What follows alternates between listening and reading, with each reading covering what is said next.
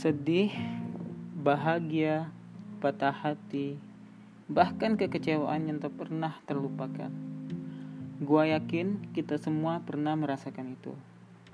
Sekarang, setiap minggunya, gua bakal bercerita di kelopak hati dan berbagi pengalaman apa saja yang pernah dialami.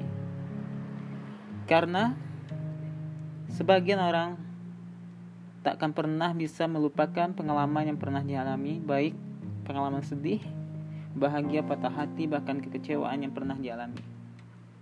Nah, nantikan terus di podcast Kelopak Hati.